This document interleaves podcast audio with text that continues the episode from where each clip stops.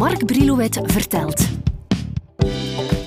Een swingende podcastreeks over de meest iconische hits en hun al even legendarische uitvoerders.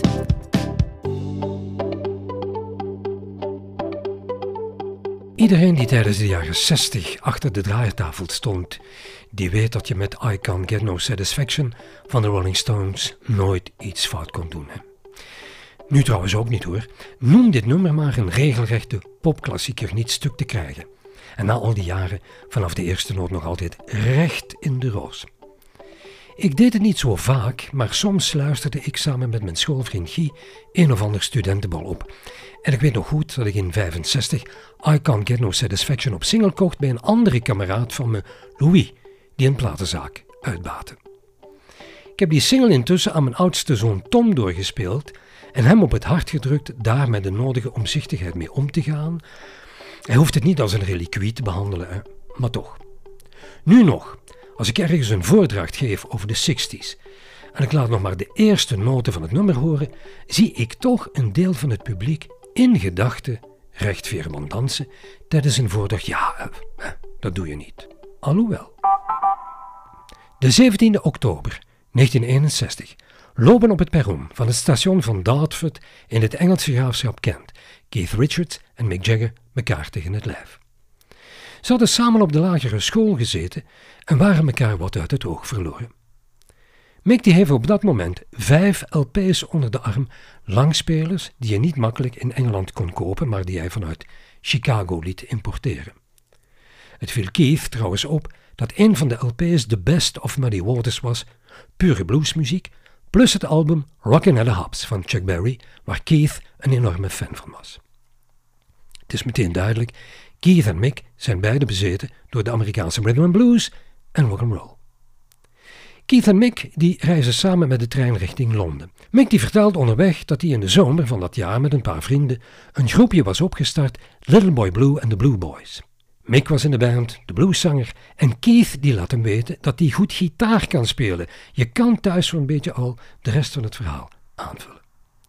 In de Ealing Club in Londen worden de 7 april 62 Mick en Keith door Alexis Corner voorgesteld aan Brian Jones, die lid is van de groep Blues Incorporation.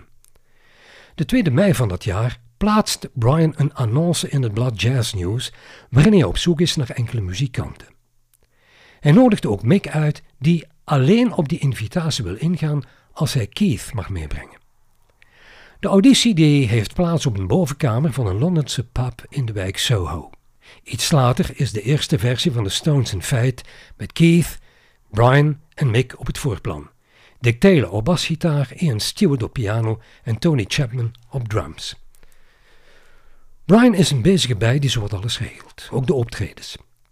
Wanneer hij uh, drukdoende is met een optredens aan de pers door te spelen, vraagt de journalist onder welke naam hij de groep mag afficheren. Brian die weet niet zo vlug een antwoord te verzinnen, maar krijgt gelukkig de LP The Best of Muddy Waters in het oog, neemt die hoes bij de hand en ziet als eerste strook op de A-kant Rolling Stone. Een geschikte naam voor de band is gelijk gevonden. Vrij snel geraakt uh, het belang van Brian Jones op de achtergrond.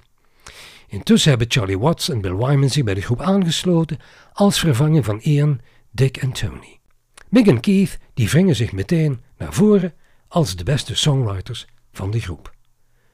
Voor de meeste Stones-fans is en blijft de nummer I Can't Get No Satisfaction je van het. Een Stones monument waarmee Jagger en Richards bewezen dat ze schrijverstalent in de vingers hadden. Niet meteen een tweede Lennon en McCartney combinatie, maar ja, ze ook niet te vergelijken, hè? zeker hun repertoire niet.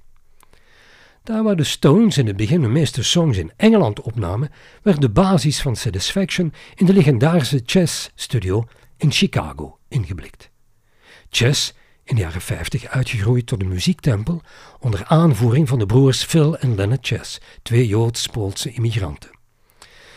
Die baten eerst in het zuiden van uh, Chicago de Macamba Lounge Nightclub uit, waar vele onbekende zwarte artiesten optraden. In 1947 kocht Leonard de aandelen van Aristocrat Records en doopte de firma om tot Chess Records. Hier kon hij naar hartelust dat onbekende zwarte talent een kans gunnen om een plaat op te nemen en dus ook een hit te scoren. Rock'n'roll en blues zouden het handelsmerk van Chess worden. Door de jaren heen werd Chess Records de bakermat van talenten als B.B. King, Bo Diddley, Jimmy Reed, Johnny Lee Hooker, Elmore James en Chuck Berry.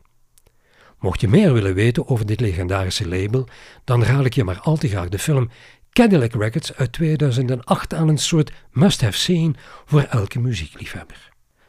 Terug naar I Can't Get No Satisfaction, een song waarin je vanaf het begin meteen gegrepen wordt door een opvallende riff. Ik vind het nog altijd een doodzonde wanneer DJ's dit als een intro beschouwen en er doodleuk overheen gaan praten.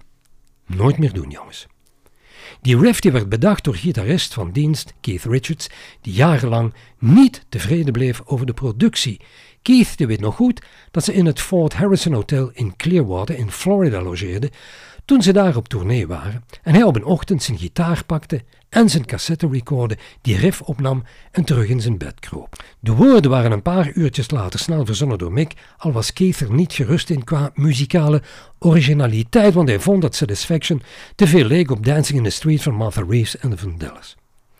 Nu, om het verhaal helemaal juist te vertellen, moet ik vermelden dat de basis van de song in de Chess Studio in Chicago werd ingeblikt zoals ik al vertelde, maar nadien, van de 11e tot en met de 13e mei, in de RCA-studio in Hollywood werd afgewerkt onder het toeziend oog van producer Andrew Oldham.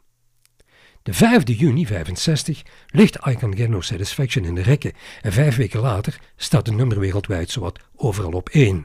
Inmiddels wisten de Stones ook wel dat deze single voor een internationale doorbraak had gezorgd. Jagger had ook al een tijdje door dat als je je fans wilde raken met een liedje, dat je hun dan de indruk moest geven dat je recht vanuit je hart schreef, dat je een stukje van jezelf vrijgaf, een deel van je persoonlijkheid erin legde.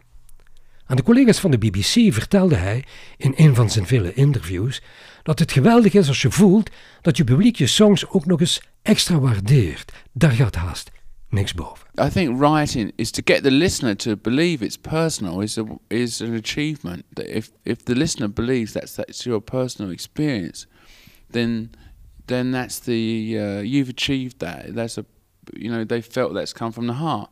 The actual reality of it might not be that it is totally from the heart. It might be half from the heart. It might be half from observation of your best mate, or it might be just seeing just lovers in, in on the street corner or something, behaving in a certain way or in a cafe and just observing them and mixing that up with your own personal experiences and making it more rich than even your own personal experience is. I don't think I'm uh, well considering you know everything. I don't think I'm too cynical, but I'm pretty hard boiled sometimes. And but I've got my sort of soft bits. Well, you know, I mean, I've got everyone has a romantic side and everyone has a cynical side, and I'm no exception. You know, it's good to be proud of what you do, and if other people like it, that must make you happy. I don't think you should be in a, a thing to need it, like like a sort of animal thing. But but I don't. I think it's only human for to want um, other people's approval of what you do. That if you know whatever you do, if you you know if you're working whatever job you're doing and you and you do a good job at something, you want people to to say, "Hey, that's great," you know. Um, thanks for doing that, or that looks great, or the way you did it, or whatever you made, or whatever kind of job you do. Normaal blijf je van die unieke Stones-versie van Satisfaction met je handen af. Maar toch waagde Otis Redding zijn kans en dook er jaren later ook nog eens een salsa-versie op van een zekere Frankie Ruiz. De kracht van die Stones-versie had Francis Ford Coppola door toen hij aan de soundtrack van Apocalypse Now Satisfaction een open doekje gunde. In 65 is I Can't Get No Satisfaction ook terug te vinden op een LP Out of Our Heads. De Nederlandse fans weten intussen dat Satisfaction drie keer opdook in de top 40. In 65 toen het op 1 stond, op de 19e plaats in 1970 en op de 18e in 1990. Wij waren hier in Vlaanderen uh, iets minder genereus, want toen de single hieruit kwam, hield die halt op de zesde plaats in de top 30, om er nadien nooit meer opnieuw in op te duiken. En zo zie je maar dat de smaak van de Belgen en de Nederlanders wel degelijk verschilt.